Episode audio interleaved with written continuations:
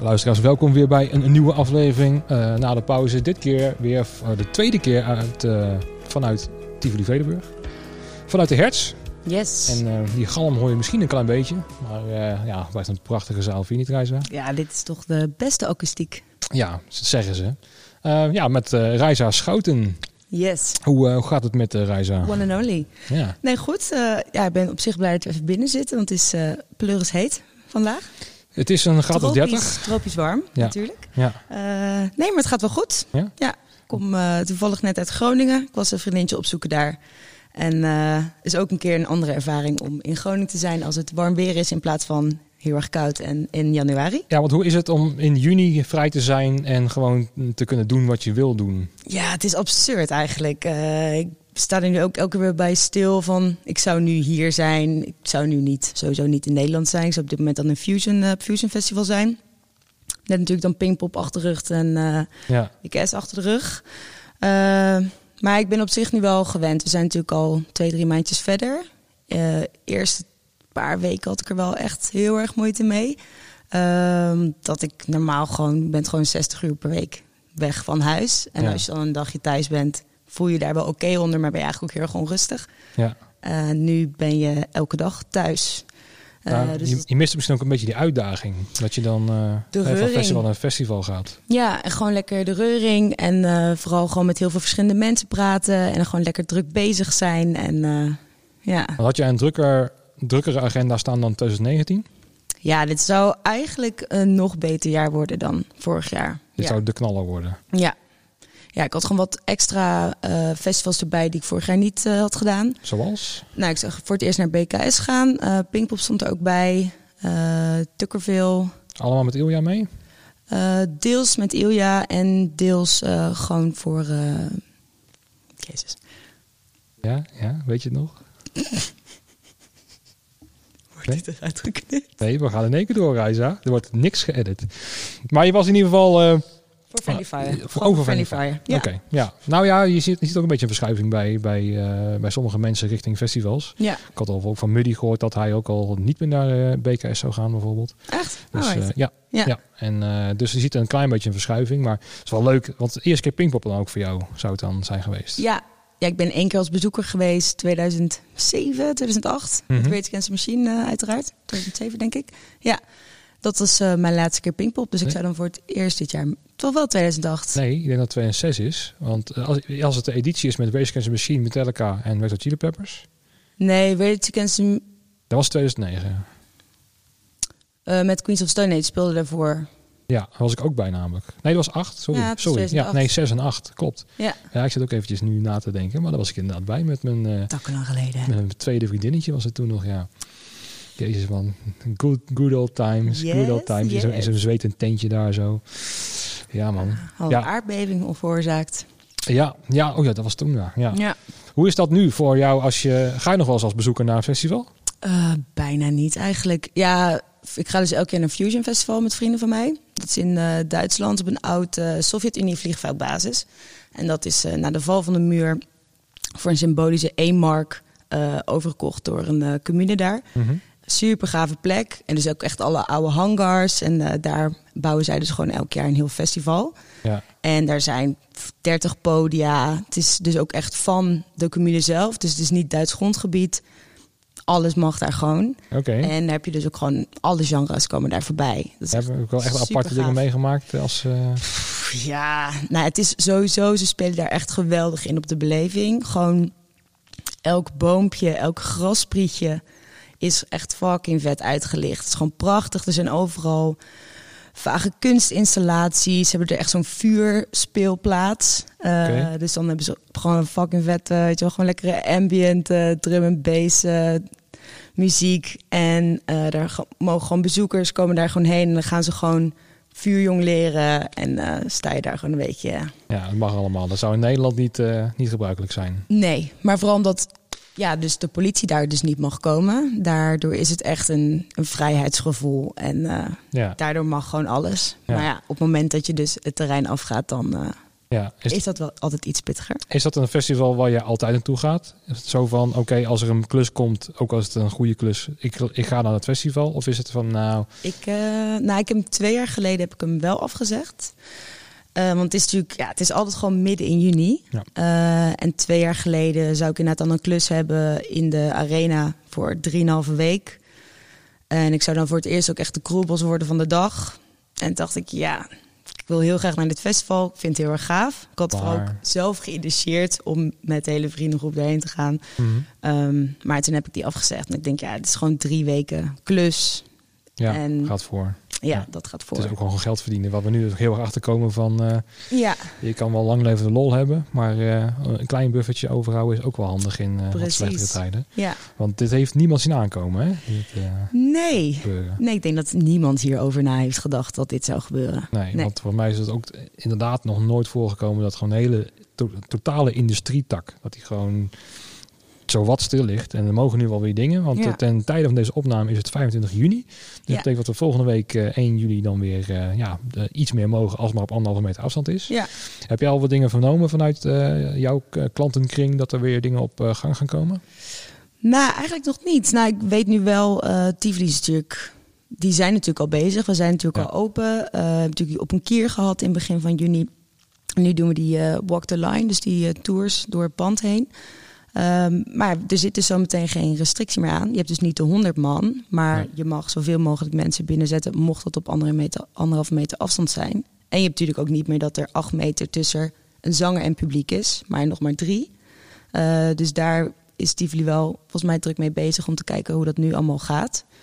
Maar daar weet ik het beste, Nee. weet ik nog niets Verwacht jij misschien wel wat festivals? Dat die misschien toch een beetje guerrilla-stijl eh, Nou. binnen, binnen drie, vier weken worden opgebouwd en we gaan gewoon? Toen het gisteren natuurlijk allemaal naar buiten kwam, dacht ik wel van... hé, maar dus het mag in principe nu wel gewoon. Ehm, Wel met vergunning natuurlijk, want de gemeente is nu daar verantwoordelijk voor om het af te geven. ja, want in de eerste instantie zijn natuurlijk van vergunningen tot 1 september doen we helemaal niet meer. Dat is dus nu naar halverwege augustus gegaan. Ik had gisteren dan toevallig met vrienden die discussie van... zou Lowlands dan mogen? Dat valt natuurlijk halverwege Ja. augustus. Ja. Ehm, maar krijg je dat voor elkaar?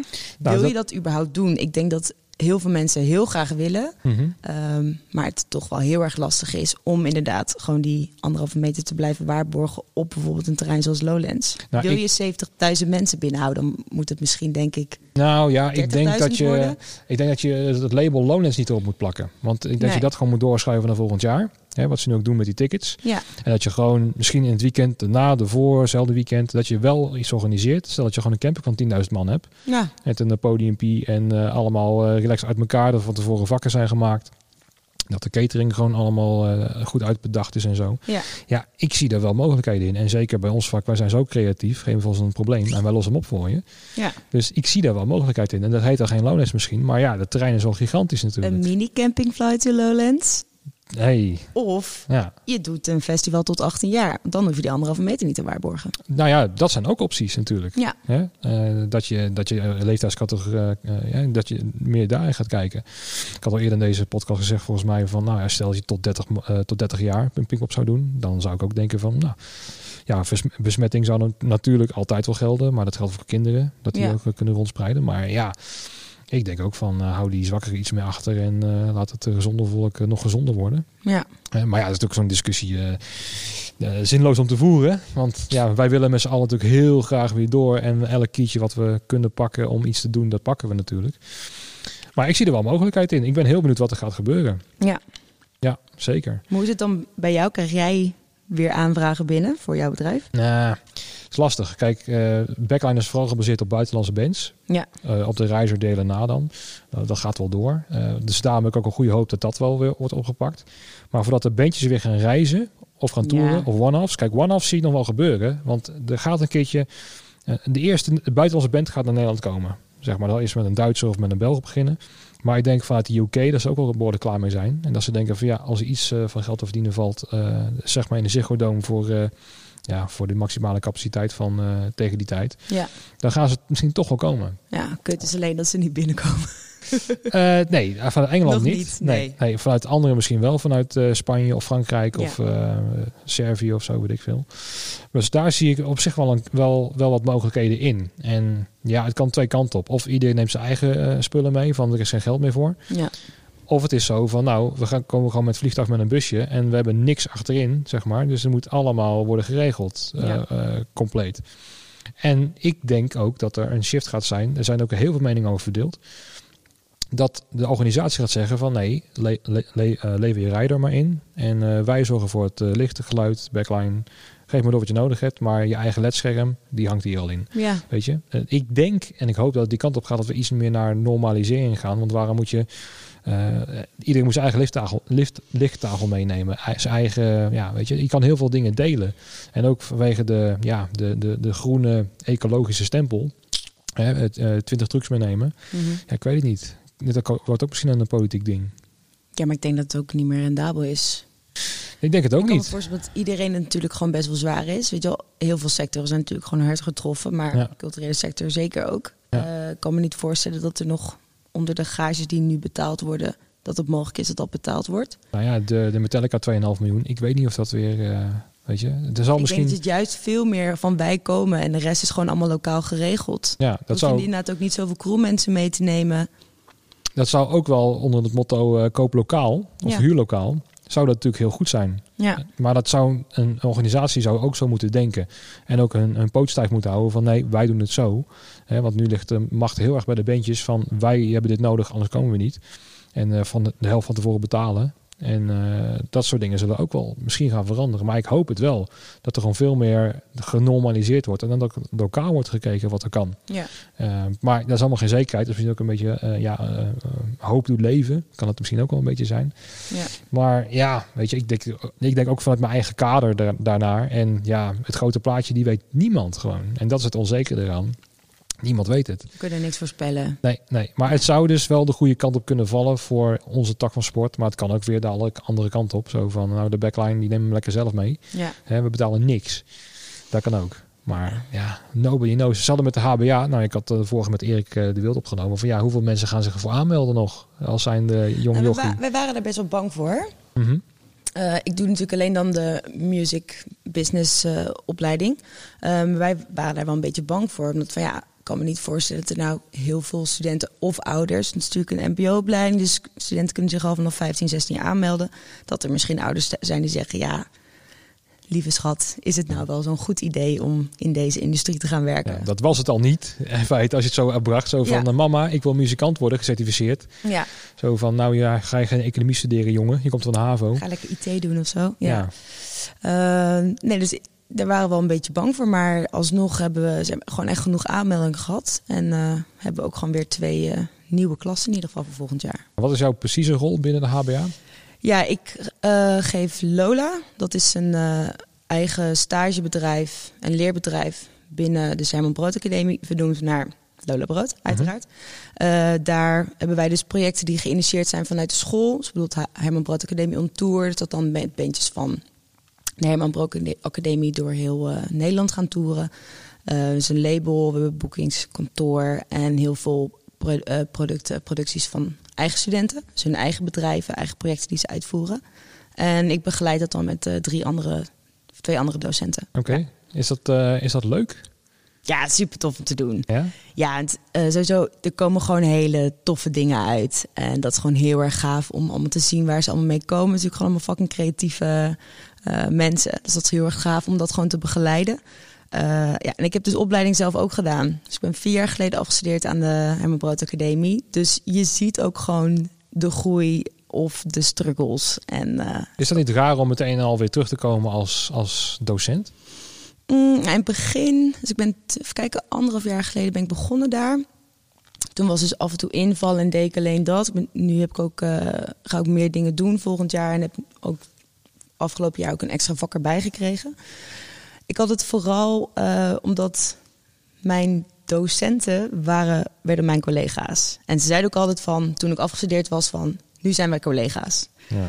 Uh, maar ze zijn wel gewoon drie jaar mijn docenten geweest. En ook al is de HBA heel chill qua relatie. En iedereen is gewoon heel relaxed met elkaar. En het is niet meneer en u, maar gewoon jo en jij. En, ja. Is het dan een beetje te vergelijken met uh, alle stagehands zijn de, de, de leerlingen en de stage manager is dan uh, de leraar? Beetje dat Zo van, nou, je hebt wel respect ervoor. Je hebt er zeker wel respect voor. Je luistert natuurlijk ook gewoon naar. Maar docent trekt net zo goed ook de kar. En de meeste docenten van de Herman Brood Academie staan ook allemaal met één been in de sector. Ja. Zijn manager of uh, weet je wel, zijn tourmanager. Ja. Uh, werken in een poppodium. Precies. Ik ben wel benieuwd naar. Dat is natuurlijk een totaal uh, eenzijdige vraag dit. Maar wat gebeurt er met backline op dat gebied? Want ik merk dat het heel erg ondergeschikt is, ook in de opleiding. Dat er heel weinig over wordt uitgelegd. Terwijl het ja, eigenlijk in elk, ja, zeker bij ook optreden, kom je dat tegen en je moet het ook opbouwen. Ja.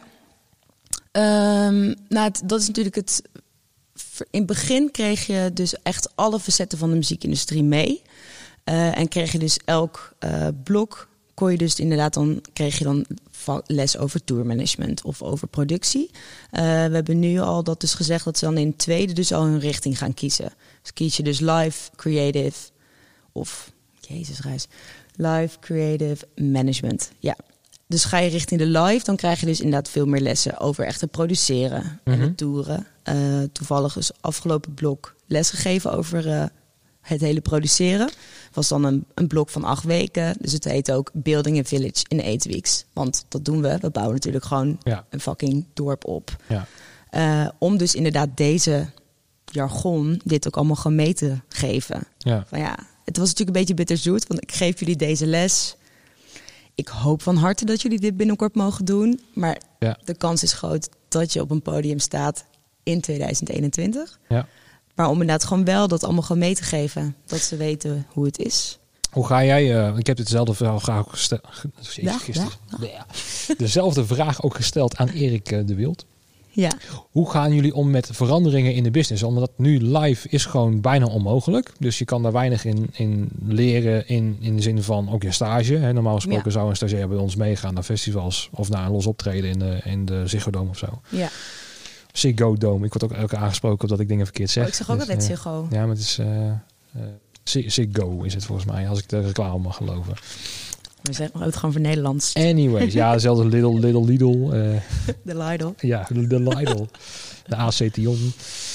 Ehm, nou, ik vraag me af, kijk, bij Proton is ook weinig te doen. Ik ben zelf begonnen met podcasting en Ja. YouTube is vrij groot en zo. En wordt dat ook meegenomen? Want eh, ik heb nu voor volgend jaar ook twee stagiaires aangemeld die dan eh, voor ons eh, YouTube content gaan maken. Ja. Dus ik heb juist de Filmers Academy aangesproken van, hey, heb je nog een stagiaire? Want op dat vlak gaan we iets meer doen. Hè? Ja. Exposure voor het bedrijf. Maar hoe ga je daarmee om? Want stel nou dat ook de, tot er een vaccin is helemaal niks wordt georganiseerd, dan kan je dus blijven zeggen van ja, maar op een festival, ja, maar er is geen festival. Nee. Eh, hoe, hoe ga jij daarmee om? Of hoe gaat de HBA daarmee om? Nou, er zijn natuurlijk best wel wat studenten die inderdaad gewoon de productiekant op willen gaan. En die hun ook wel een beetje achter hun oren aan het krabben zijn van ja, weet je wel, ik wil, volgend, ik wil eh, stage gaan lopen bij een eh, festival. En, Ja. Of bij een poppodium. Dat gaat nu niet. Dus dan zeggen wij van ja, hey, nou in ieder geval voor de tweedejaars, die gaan dus al vanaf september stage lopen. Dus voor hun wordt het gewoon wel wat moeilijker om bij een podium stage te gaan lopen. Vooral omdat podium ook zegt van ja, weet je wel, van harte, maar we weten het niet, we hebben niks voor je. Dus denk ik, oké, ga misschien nog iets verder oriënteren. Wat zijn andere dingen die je tof vindt, waar wil je bijvoorbeeld nog verder in verdiepen? Mhm. Ehm, ja, om dus gewoon nog wel iets verder te gaan kijken dan wat hun eerste visie was. Ehm, voor de derdejaars hebben we het geluk, want die gaan pas in blok 3 stage lopen. Dus dat is dan volgend jaar februari Ja. uit mijn hoofd. Dan is er weer wat meer kans. Ja, het is gewoon moeilijk. Ja, Eh, omdat, ja het is gewoon super onduidelijk. Ja. Eh, en het ligt ook een beetje aan wat wil de business doen. Openen zij ook hun deuren ervoor of eh, sluiten zij de deuren? Ja. Ehm, maar net management labels die gaan gelukkig wel gewoon door. Dus daar hebben die studenten wel geluk mee. En ja, productie live is toch iets Iets, eh, ja. andere koek. Hoe ga je daar zelf mee om? Want we hebben het over de leerlingen, maar jij zelf, heb je al naar andere opties gekeken voor van nou als het te lang duurt, dan moet ik toch maar echt eh, tomaten gaan plukken? Nou, ik had dus al geluk dat ik dus al afgelopen... dat ik deed al 12 uur in de week, gaf ik al les op de HBA. En in februari zat ik een beetje te denken van... ja, wat wil ik nou gaan doen? Eh, ik vind natuurlijk het live circuit super vet. Ehm, maar ja, wel heel hard werken. Ik ga, Ja. ga natuurlijk in een trein door. Eh, nooit thuis. Eh, mijn vriend die heeft een 9 tot of heeft gewoon een 9 tot 5 baan en heeft de vakanties. Dus gewoon eigenlijk alle schoolvakantie hoeft hij niet te werken. Want hij zit ook deels in het onderwijs. Hij kon niet in oktober op vakantie. Ik kon juist wel in oktober op vakantie. Ja. Of in januari, weet je wel. Ja. Dus eh, we zaten er al een beetje mee te struggelen van wat ga ik doen. En toen heb ik eigenlijk in februari besloten... Hey, ik ga denk ik gewoon, laat ik even mezelf uitdagen... en laat ik gewoon wat meer het onderwijs ingaan. Mhm. Dus ja, Ja. lucky. eh, was dus ja, in dat opzicht de juiste keuze geweest. Ja. Gelukkig. Dus ik ga in september... eh, start ik gewoon vier dagen in de week op de HBA. Kijk, nou ja, lekker toch? Ja, Want ik denk dat voor ook de meesten die in vaste dienst zitten, is het ook nog niet zo'n zekere zaak. Ik bedoel, als ik dan ook bij eh, toeleveranciers bekijk, maar misschien ook bij het popzalen. Ik zag het ook nog 13 dat die, ja eh, die gaan alsnog tien mensen ontslaan. precies, Ja. die gooien eruit. Dus voor freelance is het onzeker, maar Ja. ook voor diegenen die eh, gewoon in vaste dienstverband zitten. Ja, En Maar bij de HBA, dat gaat allemaal door. De aanmeldingen zijn daar voldoende. En dus daar verandert in feite niet zoveel. Nee, het, het onderwijs gaat gewoon door. En eh, we hebben gewoon wederom dus twee nieuwe eerstejaars. En ik word dan eh, docent van de derdejaars. Dus zijn gewoon, waren al twee derdejaars. Had jij ooit gedacht om docent te worden? Nee. Nee, nee. Ik had ook toevallig afgelopen week nog met mijn, met mijn vader erover. En die zei ook echt van, Reis, ik had dit nooit kunnen bedenken dat jij dit zou doen. Die vond het ook een beetje zonde eigenlijk. Ik zei, ja, maar je ging zo lekker. En eh, waarom doe je nou een stapje terug? Ik zei, nou, het is niet een stapje terug. Het is gewoon even een stap in een andere richting. En merk dat ik ook gewoon hier even behoefte aan heb. Ja, dus een verbreding. Precies, ja. Ja. En eh, ja, dus de beste keuze. Maar dat vind ik ook gewoon eigenlijk heel kut om te zeggen. Ja, maar er is geen beste sneu. keuze. Nee, en ik vind het gewoon... Het is gewoon sneu Ja, dat Nou dit ja. nu zo gaat. En eh, ik denk juist dat niet je... iedereen heeft ook deze keuze. Nee, ik denk ook dat degenen die het meest flexibel zijn, die, er wel, die gaan er wel doorheen komen, denk ik. Ja. Want eh, als ik dan bijvoorbeeld kijk, ja, ik kan ook niet voor iedereen spreken, vind ik ook zo lastig, zeg maar. Maar ik kan me voorstellen dat stel dat je 30 jaar eh, geluidsman bent bij eh, drie, vier bandjes. En ja, alle vier de bandjes die treden niet op. Ja, En da- dat is gewoon wat jij kan. Om dan, eh, je bent 50 of zo, of ouder. Dat je denkt van ja, dit kan ik. En voor de rest, ja, ik weet het niet, man. Nou, dat- kan je dat les is- gaan geven. ja, bijvoorbeeld. Maar dat moet ook maar bij je om, eh, opkomen. Want Ja. ik merk toch dat daar heel vaak wordt gedacht zo van... ja, nu omscholen, ik ben al zo oud en zo. Maar dat is ook allemaal een mindset natuurlijk. Want natuurlijk kan jij je omscholen. En natuurlijk Ja. kan je allemaal dingen doen. Wie zegt dat je tot je 67 moet werken? Waarom niet tot je 75ste? Weet je, gewoon wat flexibeler. En dat... dat dat merk ik toch wel het verschil dat, dat sommigen echt wel ook in deze crisis blijven hangen van oké, wanneer gaan we terug naar het oude normaal? Ja. Ja, en ik denk dat dat nog lastig gaat zijn, het oude normaal. Ik denk dat er gewoon, ja, dat vanaf nu iets andere regels gaan gelden. Ja. En dat er ook andere business opportunities gaan komen. Het is ook maar de vraag of überhaupt... eh, kijk, de middelbare scholen gaan na de zomer helemaal, helemaal weer open. Maar over de mbo-scholen en de hogescholen en universiteiten... daar hebben ze nog geen eh, klap op gegeven. Nee. Dus En- het is voor ons ook nog niet duidelijk hoe we dat Nee. gaan doen. Eh, we gaan ook verhuizen. Dus ik nog naar een nieuw gebouw. Letterlijk oh ja, vijf minuten om de hoek. Ja. Dichter bij de IKEA, yes. Ehm, maar eh, ik begrijp wel dat ze zal wel gaan kijken van... Ik bedoel, eh, toen dus de coronacrisis gebeurde... zaten natuurlijk midden in blok 3. Ja. En we hebben met het hele team binnen een week, anderhalve week... hebben we gewoon het hele, hele lesprogramma... hebben we gewoon meteen digitaal kunnen uitvoeren. Waardoor je dus ook wel gaat denken van... ja, moeten we dat eigenlijk wel op deze manier blijven doen? Het is natuurlijk heel fijn, weet je wel, juist interactie... en om gewoon je studenten daadwerkelijk te zien. Ja. En, eh, maar het kan dus eigenlijk ook wel op deze manier. Dus moeten we wel ons hele lesprogramma op deze manier blijven doen? Of kunnen we dat ook gewoon wel deels digitaal blijven zoomen. uitvoeren? Ja, nou, Microsoft Teams dan. Ja, ja, sorry, ik weet niet of ik merk erop mag doen. Oh ja, product, product placement. Product placement, sorry. Ja, ja, daar moeten we eigenlijk ook over andere zaaltjes gaan hebben. Maar eh, hè, het is wel heel erg zwaar Tivoli nu Utrecht wat er in deze podcast voorbij komt. Maar goed. Maar en moet ook rekening houden met die tweede golf die heel misschien zou gaan komen. Want Ja, dat is ook zo'n ding. Wat wij denken van oké, meer, meer, meer, meer. Maar zo meteen dan is het toch eh, twee besmettingen in Nederland. En dan gaat alles weer op lockdown. Nou, was jij daar niet... eh, ik had bijvoorbeeld gisteren... Ik was eigenlijk een beetje verbaasd over het feit... dat ze zo eigenlijk de thuis aan het los trekken waren. Ja, loslaten. loslaten. Aan de ene kant dacht ik van nee, het gaat inderdaad gewoon heel erg goed. Mhm.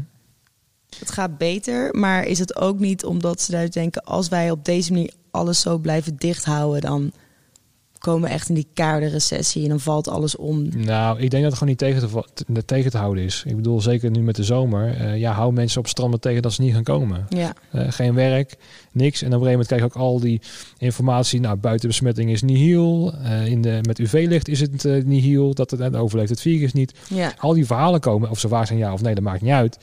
Dus de versoepeling zal sowieso individueel al plaats gaan vinden. Dus ik denk dat er dan een soort van handreiking is van oké, nou, we laten het gewoon gecontroleerd soort van loslaten. Maar mensen anderhalve meter afstand houden, denk Ja. daaraan. En we hebben het allemaal heel erg goed gedaan met z'n allen. En eh, we zijn trots op jullie. ja, veel en, eh. Ja. Ja, nou ja, en eh, meneer, meneer De Jong, zeg maar. Ja. Waar ik ook over denk van ja, ja, ja, ja, ja, het is goed hoor, met je politiek. Maar ik denk dat dat de reden is. Dat mensen toch vanzelf dingen gaan doen. Dat eh, illegale feesten gaan komen. Dat ze denken van nou, voordat illegaliteit belandt, anderhalve meter afstand, eh, organiseer het maar. En dan Ja. kan je een vergunning geven. En uiteindelijk ligt het dan bij de eh, gemeentes zelf om een vergunning af te geven.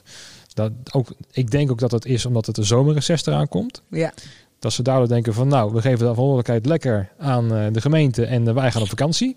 In het KLM-vliegtuig dat we hebben, hebben vrijgegeven. dat, dus zo zie ik het ook een klein beetje voor me. ja. En daar kan ik ook helemaal naast zitten, maar dat is mijn perspectief. Dus ik denk dat die versoepeling...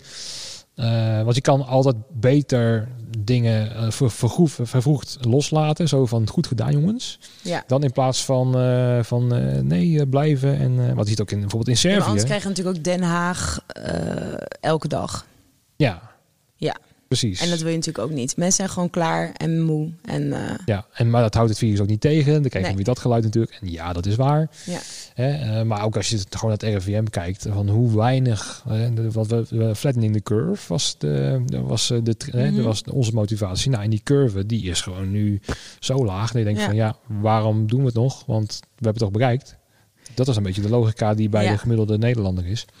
En er zijn natuurlijk heel veel maar het verschillende... coronavirus gaat niet in recess, hè, René. Nee, precies, precies. En heb gewoon een keertje geduld, jongeman. Ja. En niet alles draait om centen en om evenementen. Hè? Ja. Het is meer eh, dan dat in het leven. Nee, maar ik En, denk in het najaar als natuurlijk gewoon de griepgolf komt, dan, eh, dan leidt het allemaal weer op. Tuurlijk. En Ja. dan is het zo van, de mensen we hebben toch niet aan een halve meter gehouden. Hè? Ja, maar dan eh, hebben we natuurlijk inderdaad de vakanties gehad. Mensen toch heen en weer gaan bewegen. Eh mensen merken toch al een beetje iets meer moeite mee om zich heel erg eraan te houden de hele Mhm. tijd. Ehm, ja, en dan is het natuurlijk gewoon... Ja, je hebt gewoon de griepgolf, die er altijd. Weerstand gaat omlaag. Ja, en wat ga je aanmerken als corona? Hè, want eh, je kan ook allebei de virus hebben. Ja, Hè? Maar dan is het ook corona. Terwijl je misschien gewoon veel meer griep hebt dan corona. Maar dat is dus ook heel lastig te peilen. ja, maar dan kan je natuurlijk... Je kan je nu al veel beter testen. En ik denk in het najaar dan blijven die testcentra natuurlijk nog steeds. Dus als jij dan klachten hebt waarvan je denkt... Ja, het kan inderdaad een griep zijn. Ja. En je bent ook veel voor. Influenza of corona. En je bent veel ve- beter voorbereid. Hè? Je hebt al de check bij de, bij de poort. Hè? Dus als het Ja. dus open gaat, dan heb je meteen een check van eh, temperatuur opmeten. En eh, nou Ja. meneer, 39 eh, opzij naar huis.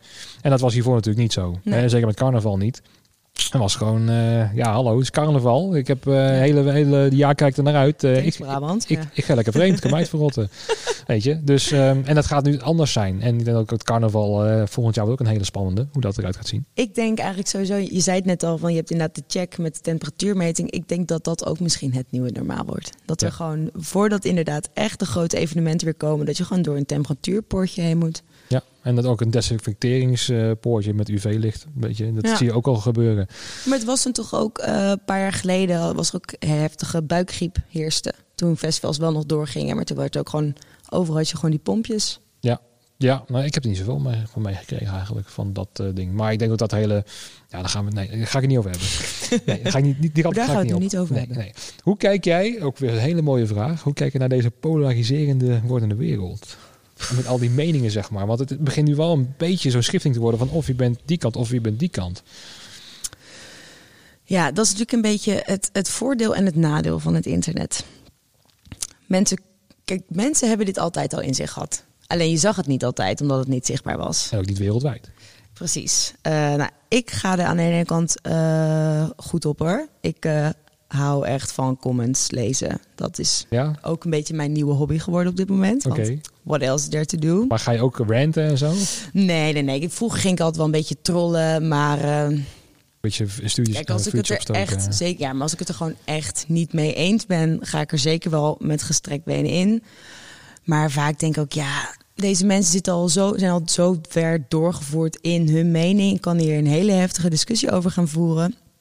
Choose your battles. Maar ik weet dat het jij staat hier en ik sta hier. Ja. Prima, maar ja. Precies, daar- wij, daar doe je ik niks ga niet aan. met Nee. jou naar de kroeg en wij hoeven ook geen vrienden te zijn. Nee. En Nou ik ja, merk dat ook wel in de afgelopen tijd. Ik heb ook echt zeker wel echt al een paar mensen die ik dan gewoon nog bevriend mee was van vroeger. En dat ik dan gewoon merk dat die gewoon nog shit aan posten waren over fucking Zwarte Piet en zo. Ik dacht, oké, ja, doei. Ik hoef echt niks meer. eh, nee, wij, jij hoeft niet in mijn lijst. Wij hoeven, ik hoef niks met jou te maken te hebben. nee. Ik denk ook wel dat dat ware aard van de meeste mensen nu boven komen. Ja, En eh, dat dat dan ook wel heel veel bloot legt. En eh, ja, ik probeer altijd een beetje de nuance te zoeken. ja, Dus nou, bijvoorbeeld, ik kwam net Wart in het pa- het pand tegen. Die had ook een mooie post eh, gehad eh, van de Ja. week. En ik reageer bijna ook nergens op. Maar ik dacht ook zo van, nou, ik ben in ieder geval blij dat jij jouw verhaal vertelt. Ik ben niet met je eens, maar toch. Hè, eh, ik, ik, ik ben blij om jouw verhaal te horen. ja, En ehm, nee, ik zoek het veel meer in de nuance. En, en kijk, de waarheid ligt altijd in het midden. Heb ik eh, het idee. Dus ook met het racisme gedoe en zo. Van ja, je hebt die kant, je hebt die kant. ja, Ehm, kijk, ik wil niet betiteld worden. Daar ben ik benieuwd naar. Want ik kijk bijvoorbeeld wel Veronica Insight of Voetbal Insight. Of hoe- Ja. hoe je het ook wil noemen. Ik ben echt een vaste kijker. Ja. Ik moet er hard om lachen. Eh, en ik kan het nuanceren. Dus hetzelfde als dat je naar Hans Theo gaat. Ja, eh, neukt hij echt eh, eh, de, de koningin in de, in de reet? Nee, dat is humor, zeg maar. Dat is zeg maar, hè, je moet het in de context zien. En, ja, maar je, hebt, ja, je vergelijkt natuurlijk nu de monarchie met daadwerkelijk... Nee, ik weet niet. Ik eh, ben niet mee eens wel met eh, wat hij zei. Nee, nee, maar niet, nee, precies. Ik ben het ook niet mee eens. Maar ik kan het wel een soort van, oké, ja, dan heb je Johan weer. Weet je? En dat is natuurlijk het lastige. Want ja, eh, je hebt altijd ook wel zo'n gekke oom of een gekke tante... die ook nog steeds denkt over bijvoorbeeld een zwarte piet. Zo van, hè, denk ik van, nou, eh, tante Annie. Ja, Hè? Dan denk ik ook zo van, nou ja, weet je... Ik denk, dat ben ik perso- persoonlijk, hè. Zo van, ja, laat Ja. eens maar gaan, weet je. Dat ga je, dat, dat- wat je net al zei, van, dan ga je toch niet winnen. En dan ga je toch niet overtuigen. Denk van, ja... ja, maar ik heb natuurlijk iets anders met je gekke tante. Je geeft dit als voorbeeld, hè? Mhm. Ja, ja, ja. Dat is natuurlijk je gekke tante. En ik denk wel van in de tijd waar we nu in zitten, juist hoe Quasi zich heeft uitgesproken, waar ik echt heel erg voor ben trouwens. Mhm. En alle shit die zich over zich heen heeft gekregen. En ik denk, ja, je hebt wel een toch wel een voorbeeldfunctie als je op tv bent. Mhm. En dat kan zeker positief of negatief zijn. Negatief zijn. Eh, maar ik heb iets van gas. Dit kan je gewoon hell no niet maken. Nee. Nee. Nee. Slik het gewoon dan een keertje in. Ja. Prima als dat jouw mening is. Maar nee. Nee, dat, dat snap ik. Dat snap ik ook zeker. Want als je het in een losse, losse eh, snippet hè, van 10 Ja. seconden ziet, dan is het meteen zo van die gast is niet, niet, niet goed wijs. Maar het is ook niet de eerste keer dat hij deze opmerking maakt. Nee, dat klopt. Ehm, dat klopt. Eh, alleen ik kijk echt alle afleveringen. Stel dat je op één bijvoorbeeld ook de hele aflevering ziet. Ja, je voelt de show aan. En Ja. dan eh, als je daar ook bijvoorbeeld één, bijvoorbeeld bij Aquasi ook. Als je alleen zijn eigen, de laatste quote eruit neemt. Dan denk ik ook zo van tering man. Hallo, terwijl hij 10 minuten misschien een heel erg genuanceerd verhaal heeft verteld. Nou, enigszins. Enigszins. Maar dan, dan proef je aan van waar het uit komt. Dan, dan voel je Ja. zo van, oké, hij is emotioneel. Hij gaat misschien iets te ver. Maar dat kan je dan soort van inschatten. Als je het gewoon los een tekst in de Telegraaf zet wat hij gezegd heeft. Ja, dan is het ineens zo van, hé, hey, eh, ga je nou oproepen tot geweld? Snap je? En dat bedoel ik te zeggen. Zo van, eh, de context, die, die, die vergeten de meeste mensen. Die kijken alleen maar in quotes. Ja, En dan is zo van, kan dat je is ook zeggen een man. probleem van de media, hè? Zeker. Nee, maar daarom vind ik het ook moeilijk om de mainstream media gewoon te volgen. Eh, ik neem het wel op hoor, maar Ja. dan heb ik zoiets van, nou ja, ook een korreltje zout misschien. Hè? Ja. Ehm, maar ja, ik probeer altijd ook, eh, ik, ik, ik begrijp alle kanten wel een klein beetje, snap je? Mhm. Ehm, maar ja, wordt, dat, dat wilde ik zeggen, word ik dan meteen be- ook betiteld als racist? Zo van, oké, jij luistert naar Johan Derksen, dus jij bent ook eh, zo'n... Nee. Hè? Precies, maar daar ben ik ook bang voor dat ik ook in zo'n eh, hokje, hokje word geplaatst. En ik Ja. ben altijd zo van, nou ja, ik zit gewoon nergens in, weet je wel. Eh, ja, weet je, jij kan ook iets geks zeggen. Dan ben ik niet meteen tegen jou. Zo van, Zeker. weet je, Ja, ik hou er steeds van je hoor. thanks dude. Ja, Maar was je het mee eens dat dan de komende aflevering niet meer doorgaat? nou, ik, ik, op zich vind ik het ook wel goed wat er gebeurde. Want ehm, eh, Veronica en Side is ook al twaalf jaar zo'n zo'n ja, een programma wat in feite al een soort van vastgeroest was in zijn eigen patroon. Ja. Ik, eh, kan er, ik kan er echt om lachen. Maar het was wel zo dat eh, bijvoorbeeld eh nou, Wilfred Gené, die ging ineens totaal veranderen. Normaal gesproken zit hij eh, Johan te voeren, zeg maar Mhm. met eh, van eh, zeg er maar even wat over. En dan is Ja. ze van oh, Johan. En nu was hij ineens zo van ja, maar Johan, dat, dat kan je niet zeggen. Zo Ja. van ja, maar je zit al twaalf jaar alles uit te lokken, vriend. Ja, maar mensen kunnen toch ook veranderen? Nou, niet ineens als je twaalf jaar dat en dan ineens omdraait. En eh, want ik snapte zijn boodschap wel, want hij bedoelde het goed. Hij wil proberen alleen maar ook naar die nuance te gaan en naar de midden. Zo van Johan, als jij iets meer begrip hebt voor, voor die en jij hebt iets meer begrip voor Johan, zeg maar, dan kom je weer in een soort van hè, eh, agree to disagree misschien, maar Ja. toch, je komt iets meer te samen. En het programma ook misschien enigszins te redden. Nou, nee, het, want het, het programma heeft namelijk een specifiek, ja, specifiek. Die heeft een, een, een, een, weet je, je hebt een publiek die naar Hans Steeuwen gaat, je hebt een publiek die naar Veronica en Site kijkt. Niet dat het dezelfde categorie is, maar je Mhm. hebt een bepaald nou ja, slag mensen die daarnaar kijkt. Ehm, en daar hoort dat gewoon een beetje bij. Ik zeg niet dat het allemaal de, dat dat de kantinehumor is, dat zeg ik ook niet. Mhm. Hè. Het is, maar het is gewoon, dat is wat het is. En als dan ineens de presentator die no- normaal gesproken alleen maar loopt te voeren, loopt te voeren, en dan ineens jou in de driehoek ineens je, je maatje aanpakt, zeg maar, aan plein publiek, ja, dat, dat, dat kan gewoon niet, snap je? Tenminste, dat vind ik. Maar eh, eh, dus ik denk ook dat het de, de nieuwe vorm ook heel anders uit gaat zien. Ja, Dat het heel anders wordt. Ja, ik denk dat Wilfred eruit gaat. oké. Dat denk ik. Maar tot zover eh, deze Veronica Insight. ik ben benieuwd hoe het bij jou begonnen is in het vak. Ja. Waar is, heb jij ooit een gitaar gek- gekregen toen je vijf was of zo? Oké. Nee, nou, ik kreeg een viool toen ik vijf was. Ja. Nee, eh, Meteen enthousiast? klassiek opgevoed. Nou, een beetje, niet geforceerd met de paplepel. Mijn, eh, mijn vader speelt orgel, piano en cello. Mijn moeder speelde dwarsfluit en die zong. Eh, dus we waren altijd al een klassiek familie. Mhm. En eh ze hadden ook echt zo'n quintet familieboek. Want ik speelde dan viool samen met mijn broer. Mijn broertje speelde cello. Speelde met z'n allen muziek. En ik was er aan de koorschool gegaan. Koor gezongen. Eh, dus heel erg klassiek opgevoed. Ik wist pas op mijn tiende wie de Beatles waren.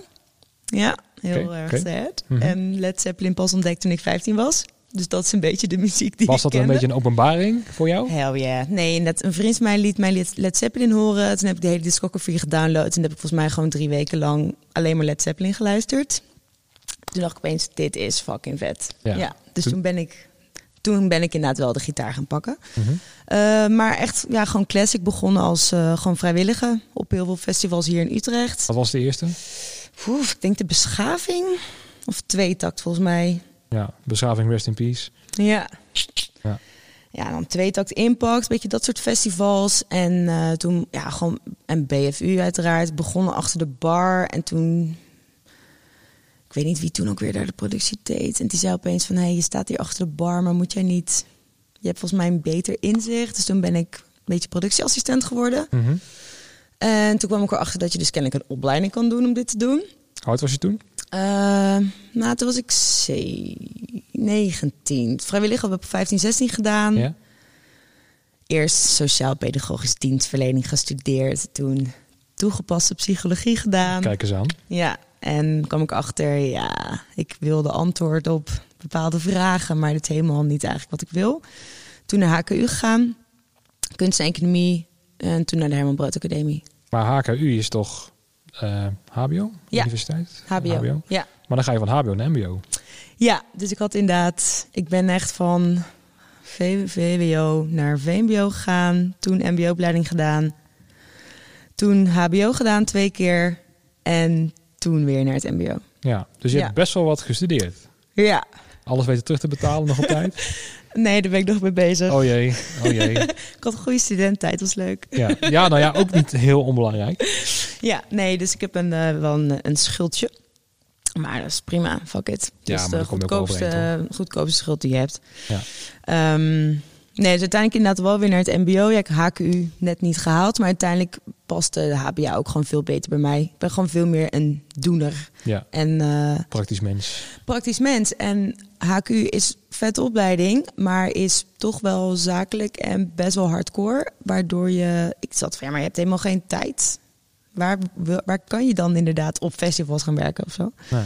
Was mijn ervaring in ieder geval. En die mogelijkheid op de, op de HBA juist wel. Omdat het mbo was. Dus het hele theoretische gedeelte. Dat was voor mij gewoon eigenlijk stukken makkelijker. En daardoor kon ik gewoon fucking veel buiten spelen. En heel veel oriënteren. Ja. Ben je als stagiair ook hier binnengekomen Ja. bij Tivoli? Ja. Onder welke taak had je toen? Eh, Productie? ja.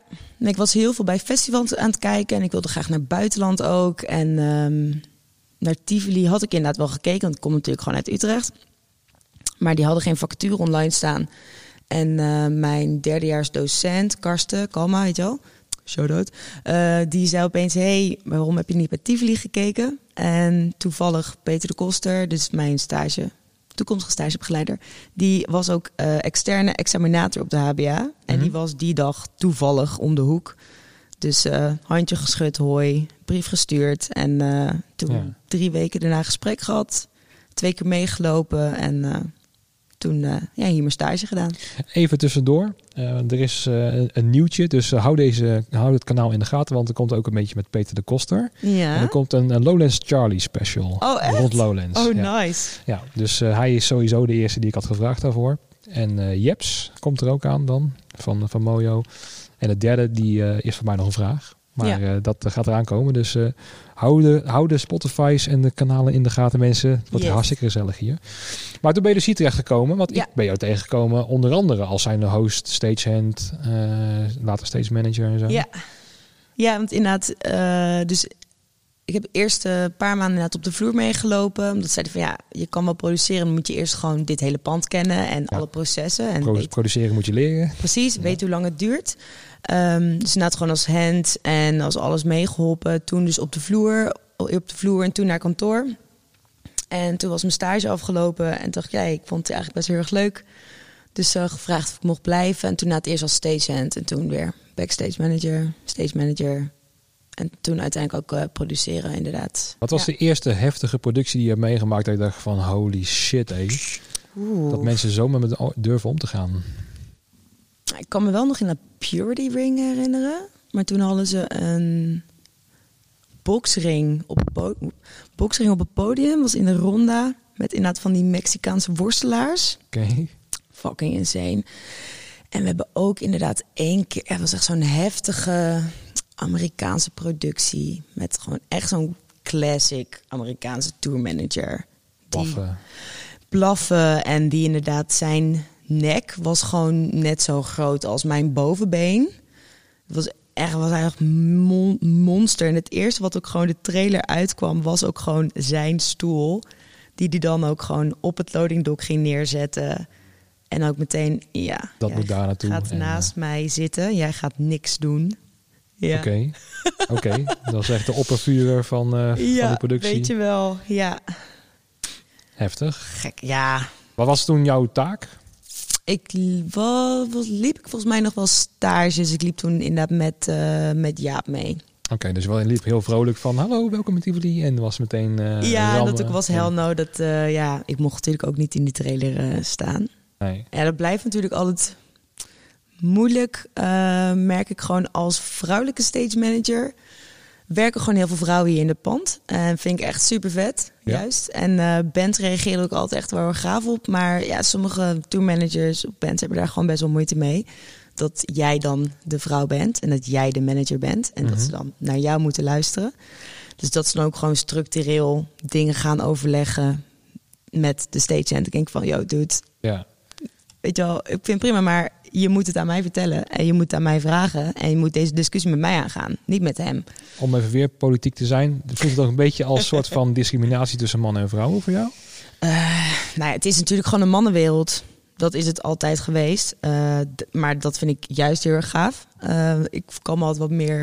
Ik ben ook gewoon wat meer een beetje een tomboy eigenlijk. Mhm. Maar ik vind juist dat spelletje gewoon heel erg leuk. Om dan gewoon te laten zien, ja, fuck jou. Dan denk je wel van, oh, het is een vrouw. Ja. Prima, moet jij lekker zelf denken. ja, maar ik ben uiteindelijk hier de eindverantwoordelijke.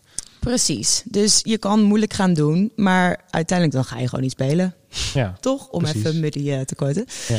Nee, Ja. ja. uiteindelijk ben je toch eh, degene die eh, de baas is. Ehm, en om ze af en toe ook gewoon een beetje te fokken of zo. Ja. Heb je Ja. wel van, van een aantal stage managers wel wat eh, geleerd? Of wat eh, van, oh wacht even, dat kan dus ook op die manier. Zoals bijvoorbeeld de Muddy, die, die, die, die heeft echt zijn eigen stijl.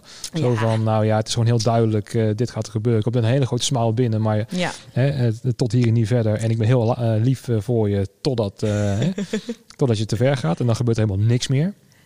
ja van Muddy, ja, dat, dat vond ik ook zo vet. En die podcast met Muddy, het was gewoon heerlijk om weer te luisteren naar al die verhalen van hem.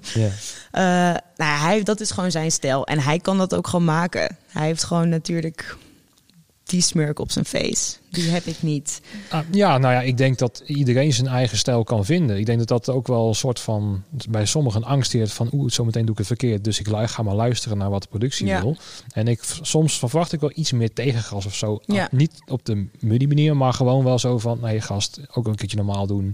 We Ja, hebben het hier goed voor elkaar in Nederland. Eh, je hebt je watertje, je hebt je dingetje. precies. En ga je nou daar moeilijk over doen? Nou, dan ben ik even een kwartiertje weg. Zeker. Weet je, ik heb echt wel eens af en toe gehad. Ik dacht, hey, zoek het lekker uit. En eh, als jij eh, geen plan hebt gemaakt, want het zijn wel inderdaad al jouw fucking spullen. En eh, als ik ga niet aan iedereen vertellen hoe ze het moeten doen. Jij moet aan mijn crew vertellen hoe ze het moeten doen. Ja. Best Samen met jou uitleggen, maar Precies. het zijn jouw fucking lampen, het zijn jouw ledwall. We gaan jou assisteren. Precies, weet je wel. Je bent eh, toch een faciliterende rol. Eh, dus als zij gewoon hun shit niet op orde hebben, nou, ga maar eerst even zorgen dat je shit op orde bent. Ja. Wij gaan koffie doen en ik hoor het wel eh, als je eruit bent. Maar ik ben toch altijd wel in het altijd kijken in mogelijkheden. En Ja, oplossingsgericht. eh, zeker, denken. ja. Wat eh, over, dan gaan we weer zo'n vraag stellen. Ah, over tien jaar, waar, welke rol zie jij eh, het meest weggelegd voor jou? Stage manager, host, productie, misschien wel ja, een HBA, misschien wat meer? Of is het echt een combi van alles en dan een tandje hoger? Waar, waar, waar liggen jouw doelen? Ja, ik vind dat echt moeilijk, want ik vind eigenlijk alles gewoon heel erg leuk om te De doen. diversiteit vind jij gewoon Dat leukste. vind ik het leukste van dit vak. Ja. Dat het allemaal mogelijk is. En jij zal in dit band, ik bedoel, je weet wel, ene dag ben je stage manager bij, een, eh, bij het RFO en de dag daarna doe je metal band. Ja, fucking tof dat het Ja. kan. En dat je juist gewoon een chameleon kan zijn en je het een beetje moet aanpassen aan je omgeving. Waar zie ik mezelf over tien jaar? Ja, ik weet het nu, weet ik het gewoon eigenlijk niet, omdat ik nu er net tussenin zit. Mhm. Ik ga natuurlijk nu juist echt meer het onderwijs in. Wil altijd wel natuurlijk met mijn voet in de live circuit blijven zitten. Want Ja. daar hou ik gewoon van. Misschien ga ik ooit mijn... Ja, ik had vroeger altijd een droom. Ik wilde een multidisciplinaire hippie walhalla oprichten in Duitsland. Explain. Ja, ik wilde gewoon een hele grote villa in Duitsland of in Italië. In gewoon een klein, mooi dorpje of stadje. eh, waar je gewoon een vaste crew hebt. eh, waar je dus gewoon theater hebt, muziek, kunst. Name it. eh, self-sufficient. is gewoon met diertjes en zelf groenten verbouwen. En dan dat dat hele het gewoon doorwisselt. Eh, dus dat je heel veel geeft ook aan het dorp, maar ook neemt. Eh, dus inderdaad toch gewoon zo door een winkeltje hebben, maar dus inderdaad dan gewoon straattheater te faciliteren. En daar dan als creatief slash zakelijk directeur dat uitvoeren. Hou dat steeds in je achterhoofd van oké, als ik eh, van de schulden af ben en eh, de juiste mensen tegenkom. En Ja, een ik keertje... vertrek gewoon naar het buitenland. Tuurlijk. nee, dat is niet waar. Nee. Nee? nee? Ben je nog te veel gehecht aan Utrecht? Nou, het is altijd gewoon mijn droom, maar ik heb gewoon af en toe, dan weet ik het al allemaal niet meer. En dan kom ik zo thuis, zegt mijn vriend, ik ga nu naar het buitenland, ik ben er klaar mee. Maar hij zegt, Reis, ik wil best met je meegaan met deze droom. Ik vind het super vette droom, maar je moet het gewoon nog wel even wat meer concretiseren. Dus ik moet er gewoon even voor gaan zitten. Een businessplan in elkaar breien. Precies, ja. Dus ik had eigenlijk het idee om dat dus de afgelopen maanden te gaan doen. Eh of de komende maanden. Ik wilde eigenlijk gewoon een sabbatical eh, nemen. Om juist even hier gewoon voor te gaan zitten en te kijken wat, wat wil ik nou. Eh natuurlijk gewoon de afgelopen vier, vijf jaar gewoon in een sneltrein doorgedeund. Ehm, Maar die sabbatical heb je in een soort van lichte vorm Stiekem heb ik hem eigenlijk nu gehad. Nou ja, ja, ik heb natuurlijk wel, werk ging wel door, maar in een veel kleinere vorm. Ehm, maar daarvoor, eh, ik zat dus in januari, februari zat ik hiermee van ja, wat ga ik nou doen? Ga ik inderdaad nou even helemaal niet meer werken en lekker reizen? Of eh, ga ik nou wat meer voor Tivoli doen? Of ga ik wat meer voor de HBA doen? Of ga ik fucking een andere opleiding volgen? Mhm. Eh, en toen bood HBA dus dit contract aan. Ja. Dus Dit- toen dit was komt het ook van, oké, dan gaat dit sabbatical dus niet meer gebeuren. Nee, nee. ja, ik heb altijd het idee dat dingen eh, niet voor niks op je pad komen of zo. Precies. En dat, eh, Ja. ja. gewoon go with, with, ja, met, de, met de juiste flow, zeg maar. En Ja. eh, er komen altijd wel kansen. En als je dit doel hebt, dan oké, je gaat ineens linksaf en dan rechtsaf. En op een gegeven moment kom je toch ongeveer op het juiste pad waar je naartoe wil gaan of Precies. zo. Ja. Ja, dat heb ik ook altijd inderdaad, ja. Geef het nog een paar jaar. Maar ik dacht, ja, dit is nu gewoon ook weer iets nieuws en een toffe uitdaging. En wel, dit idee loopt niet weg. Dit, maar Nee. ik moet het gewoon wel een keertje. Ja. Want ik heb volgens mij al toen ik bij de HBA binnenkwam, stelden ze me ook de vraag: wat is jouw doel? Toen zei ik zo, ja, of directeur bij Lowlands worden of eh, dit. ja wil jij de nieuwe Erik van Eerdenburg? Ja, dat was vroeger ook altijd mijn, eh, mijn droom. Ja. Nou, dat is heel apart dat je het zegt. Want ik had altijd, eh, tenminste toen ik in het vak begon, ook als stagiair, maar ook toen ik bij Proton begon, dacht van als ik Lowlands, zeg maar, productiemanager ben, Ja. dat gaat op Facebook, daar ben ik zo trots op. Ja. Dat is echt mijn ding. Nou, en toen was ik het. En toen was uit nood geboren ook. En toen dacht, toen dacht ik van, nou ja, ik heb helemaal niet zoveel zin in eigenlijk. Weet je, dan heb je het bereikt. En nou ja, nu heb ik dan die tokens zelfs overgenomen, wat helemaal de ultieme. Ja. En het was zo van, ja, het is nou helemaal zo. Weet je, wat is nou veranderd eigenlijk? Dan is het. Weet ja. je, Ehm, ik dacht heel erg dat ik dan ook een soort van aanzien zou krijgen of zo, of dat soort dingen. Maar dat, Maar je bent toch gewoon nog steeds René? nee, zeker. Maar dat denk Ja. je als je 324 bent, dan denk je zo van, Ja. oké, dat is eh, de ultimate goal. En eh, uiteindelijk, eh, ja, weet je, eh, het, het zegt ook helemaal niks. Je Nee. blijft gewoon dezelfde persoon inderdaad. En eh, als je gewoon een toffe kerel blijft, dan, dan blijf je die ook wel. En je moet er steeds aardig blijven naar mensen. En eh, weet je, en ik ben wel blij dat ik in die, in die, in die ja, positie nu ben. Maar het is niet zoveel dat ik denk van, ja, mijn doel gehaald of zo. Ja. Weet je, dat, dat is altijd zo'n zo'n tricky iets in je hoofd van, oké, als, ik, als ik daar ben, dan, dan, ja, dan ben ik er. Nee. Zal met afvallen. Ik bedoel, ik ben ook vorig jaar een stuk dikker geweest. Nou, nu is een stukje afgevallen en denk ik ook steeds van, ja, maar even nog even sixpackje die, eh, erachteraan gooien, weet je wel. Je moet er even afmaken, René. Ja. Terwijl nu heb je al fucking veel bereikt, maar is nog zo van, ja, is dit het nou? Zeg maar. maar dan Dus- ga je toch weer op zoek naar iets nieuws en een nieuw doel. En, eh, Oh man, ja. die podcast. Heerlijk. ja. Dit gaat op een gegeven moment ook weer vervelen. Denk ik zo van, nou, eh, welkom bij weer een aflevering. Dan eh, na de pauze. Ja, ja precies. Ja. Nou, ik ga denk ik nog een beetje upspicen, denk ik hoor, de, de, de podcast. Dat ik denk gewoon op vrijdagavond, gewoon in een kroegje of zo. En gewoon eerst drie bier erin mikken. Ja. Bij, een, bij wie dan ook. En dan een sterke verhalen vertellen. ja, of een soort van bingo inderdaad. Dat als er iets voorbij komt, dat je dan, weet ik veel. Moet ik echt zo'n bingo machine meenemen? Ja, ik weet niet of je doet hem bijvoorbeeld buiten. En dan zeggen elke keer als er een Tesla voorbij komt, dan moet je een shotje nemen of zo. Ja, het is misschien een beetje... Oh, maar ik denk die, sowieso die dat het wel grappig is om inderdaad... Ja. ja, of gewoon zo'n soort van eh, zo'n spelletje waar je ook van die kaarten hebt met vragen en zo. Dat je op een gegeven moment, als je niet meer weet, dat je denkt van, eh, is, het, eh, is het tijd? En dan gewoon een kaartje eruit halen. En dan, Ja. wat is de meest unieke vraag die je meegemaakt in je leven? Dat soort, eh, ja.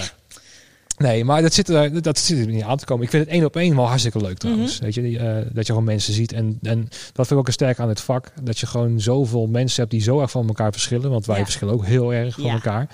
Maar dat je toch weer die gemene deler hebt. En dat is gewoon de liefde voor het podium, de liefde voor muziek. En uiteindelijk ga je iets met, met, als- met z'n allen maken waar je allemaal even trots op bent. Ja, En, en ja, dat heb ik wel gemist. En vandaar dat dit ook wel echt het ultieme voor mij is. Om van nou, Ja. hè, hè.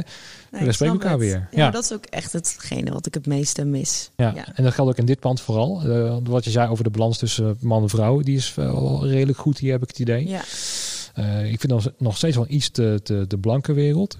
ja, dat sowieso. Ja. Van, hè, ik vind veel met, dat er veel met diversiteit ook. eh dat is ook al moeilijk, want als je dan weer zo'n zo'n quotum van dan moeten er zoveel allochtonen eh, erin zitten. Van ja, hallo, als ze er niet zijn Mensen en niet willen aanmelden. Hetzelfde bij de HBA. Ja, etnisch profileren, ja, leuk en aardig. Maar als alleen maar de Vries en de Jong eh, zich aanmelden, dan kan je niet zeggen tegen ze van nou ja, we moeten ook een, eh, eh, weet je.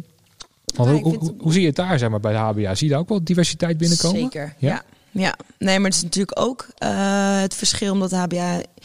Ja, als ik dan weer over mijn opleiding eh, spreek... was in het begin natuurlijk veel meer bandjes gericht. En dat is omdat natuurlijk gewoon... Ja, de popmuziek is onder de jeugd eh, natuurlijk gewoon heel erg veranderd. Ja. Het is gewoon veel meer urban hip-hop. is gewoon fucking groot geworden de afgelopen jaren. En dat merk je ook gewoon echt wel bij de studenten. Ja, super tof. Dus er komt zien. een, nieuwe lichting aan met Ja. wat meer diversiteit. Ja, maar ik vind al dat, dat in ieder geval toen ik in de klas zat, het verschil met de studenten nu Dus veel, ja, veel diverser. Ja, dat vind ik wel leuk om te horen hoor. Want ook eh, als ik dan bij Proton kijk naar stagiaires en zo. En ik, ik wil niet echt etnisch profileren naar die andere kant. Van ik moet per se een, een, een Marokkaanse jongen hebben of wil ik voor wat. Mhm. Maar ik, zit, ik sta er veel meer open voor. Ik wil ook echt wel eens een keer een vrouw gewoon hebben. En gewoon kijken hoe dat gaat. Weet je, gewoon, want ik merk ook bij ons dat er een ja, veel te witte mannen bolwerk en zo is. Ja. En dan krijg je dat soort Veronica en side dingetjes. Dat je toch met elkaar gaat zitten. En eh, Ja. van ja, is leuk hoor. Maar je mist gewoon die. eh, die nuance, want als er een vrouw in de zaal is, is het toch altijd een andere dynamiek en ook wel leuker. En ik weet weet je, als ik dan hier kom, zeg maar bij, bij Tivoli, dan heb je ook gewoon, nou ja, eh, zeg maar tien stage hands zijn er drie, vier vrouwen misschien zelfs, Ja. hè, af en toe. Nou, dat vind ik gewoon hartstikke leuk. En eh, heel veel lichte vrouwen zitten hier. Dus dat ben, ja, ik vind het gewoon super leuk om hier te komen. En elke keer andere mensen aan het werk. Ja. Dat je denkt van, hé, hey, ben jij er ook nog? Hoe gaat het met jou? Ja, bij mij de communicatie maakt ook gewoon toffer. Ja. Nou, ik vind echt, eh, ik weet, we hebben natuurlijk ook best wel vaak hier eens per jaar, twee keer per jaar ook Ladies Only Festival. En dan mogen dus ook alleen maar vrouwen werken. Als dan voor islamitische vrouwen geven ze dan een feest, zodat zij zich ook gewoon helemaal vrij voelen. Dus dan mogen echt tokens ook hun hoofddoek afdoen en hoeven ze zich niet in te houden. Nee. Super, echt heel vet, mooi feest is dat. Heel erg gaaf. En Gaat dan ook de tap open dan, of mag dat ook niet? Nee, nee, nee, nee. Ik weet niet, misschien mag helemaal losgaan. Nee, maar het is natuurlijk officieel bij het geloof hoort geen alcohol. Alleen de mannen hebben daar scheid aan. know, maar ja, bij, bij, Want eh, bij hun gelden die regels natuurlijk niet. Nou ja, en daar zie je dus veel meer, denk ik, het verschil tussen man en vrouw. Ja, wat je dus bij. Ja. en, maar dat vind ik ook het mooie. Ik weet niet of jij dat ook zo ervaart. Maar als je dan samen aan het werk bent, ja, het is je geen reet of je man of vrouw bent, weet je. En Nee. eh, of jij nou steeds manager van mij bent of vice versa. Ja, je moet toch allebei die kist douwen, Nee, precies. weet je. En Nee. dat vind ik het hele leuke van dit pand. En ik kan alleen maar En je over dit kan pand juist als praten. vrouw wat meer soms grapjes maken of zo. Ja, en dat dat. ik weet nog wel dat toen waren we net trailertje aan het lossen. Ik was dan stage manager en eh, ja, ik weet niet, het was maar iemand die kreeg zijn kwam met zijn vinger ergens tegenaan of zo. En dat ik ook gewoon iets te hard schreeuwde van, oh, heb je een nagel gescheurd? Ja, super lullig. En dan zie ik Ja. me echt kijken van, wat de fuck, kutwijf. Ja. Ja, ja. Nou ja, of dat jij een keertje gewoon te dicht bij in de lift ging staan. Zo van, wat gebeurt hier?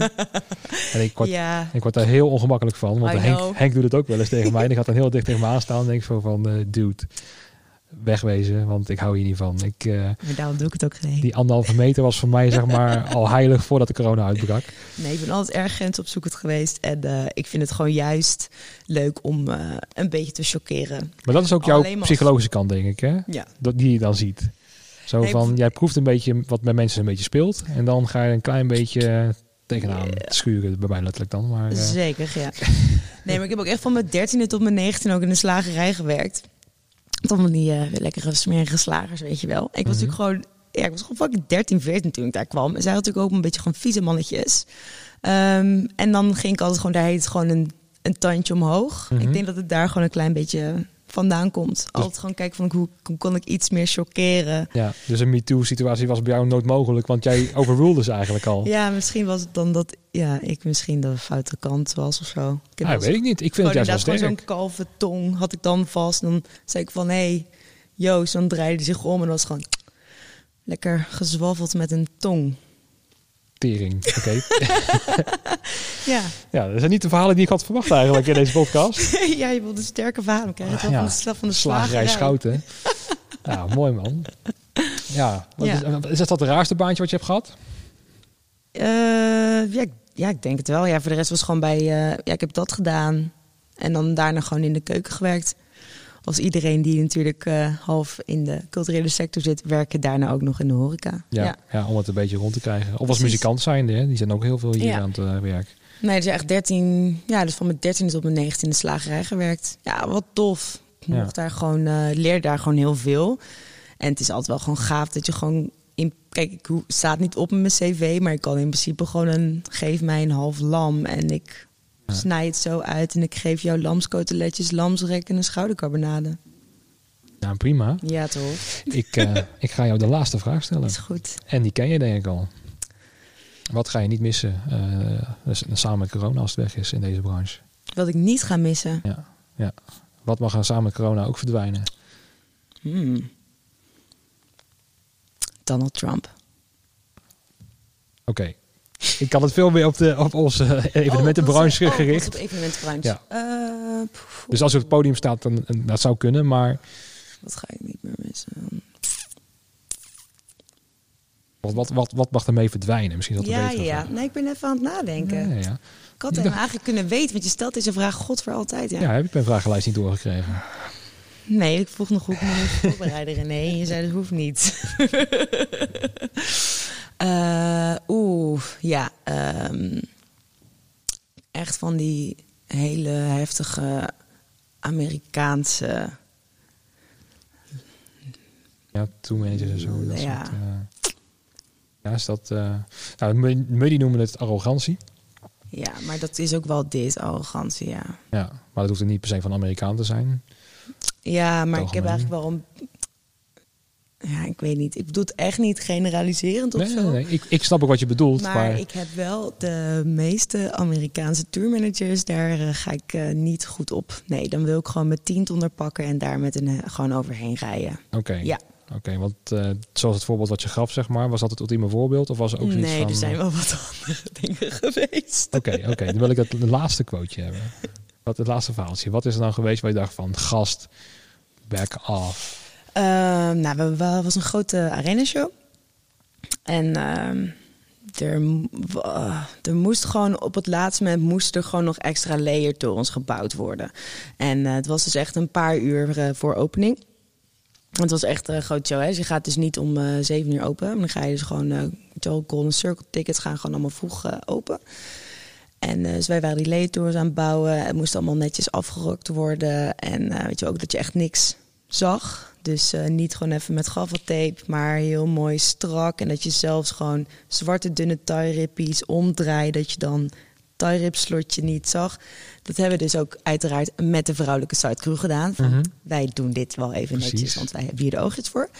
En toen werden wij uiteindelijk eh, op ons vingers getikt, want de, eh, nou, de artiest die speelde, die wilde in de zaal lunchen. En eh, daardoor mochten wij, moesten wij ons werk neerleggen. En dat wij uiteindelijk zeiden van... hé, hey, allemaal superleuk en aardig... maar ehm, wat wil jij nou dat wij doen? Wil jij dit dekken wat echt nu moet gebeuren... en super belangrijk is, wil je dat, dat wij dit nu gaan afmaken? Terwijl wij dan op fucking 50, 80 meter afstand dit aan het bouwen zijn... omdat die artiest aan het eten is? Of zetten, leggen wij nu ons werk neer? Want dan leggen wij ons werk aan, Neil. Ja, Prima. Zeg het maar. Maar dan is het niet af. Nee. Ja. En dat was toen een beetje een strijd eh, Ja. geworden, zeg maar. Ja, deze, die persoon stond ook, eh, werkte gewoon altijd met de woendelist, weet je wel. Dat je gewoon alles op wat er gewoon moet ge- gebeuren per dag. En eh, ook gewoon af en toe gewoon prioriteiten. En daar stond dus inderdaad die persoon overrijden met een 10 tonner heftruck. Oké. Ja. ja. Gelukkig eh, ja, begreep ook dat die persoon daarna overspannen van de tour is afgehaald. Hmm, dus dat speelde ook nog een keertje mee, zeg maar. Dat hij eh, zich een beetje zat te uiten richting... Ja, dat alles aan iemand anders lag en nooit uit zichzelf. yes. Ja. Oké, nou ja, dat klinkt ook voor mij wel een beetje bekend in de oren. Bij mij moet je ook gewoon een keer een paar bieren in gooien. Dan komen mijn quotes ook wel, denk ik. Ja. Hè? Eh, maar dan moet iemand anders mij gaan interviewen. Maar dat, dat gaat niet in mijn podcast gebeuren. Nou, doen we toch een keertje andersom. Doen we voor de pauze Reis en René met eh, drie triple karmeliet achter de kiezen. Oké, oké. Of een andere De stimulant. derde me voor helft dan. De, ja, maar dat is maar geen voetbaltermen en zo, hè? Of eh, achter de coulissen. Achter de Komt goed, we gaan iets inplannen. is goed. Dankjewel voor je tijd, Reisa. Ja, Leuk jullie gezien te hebben. uitnodiging. Leuk jullie gesproken hebben. En eh, ik hoop dat mensen ook hebben genoten van dit mooie gesprek. En eh, ik, ik spreek jullie vast wel weer na de pauze. Tot de volgende keer.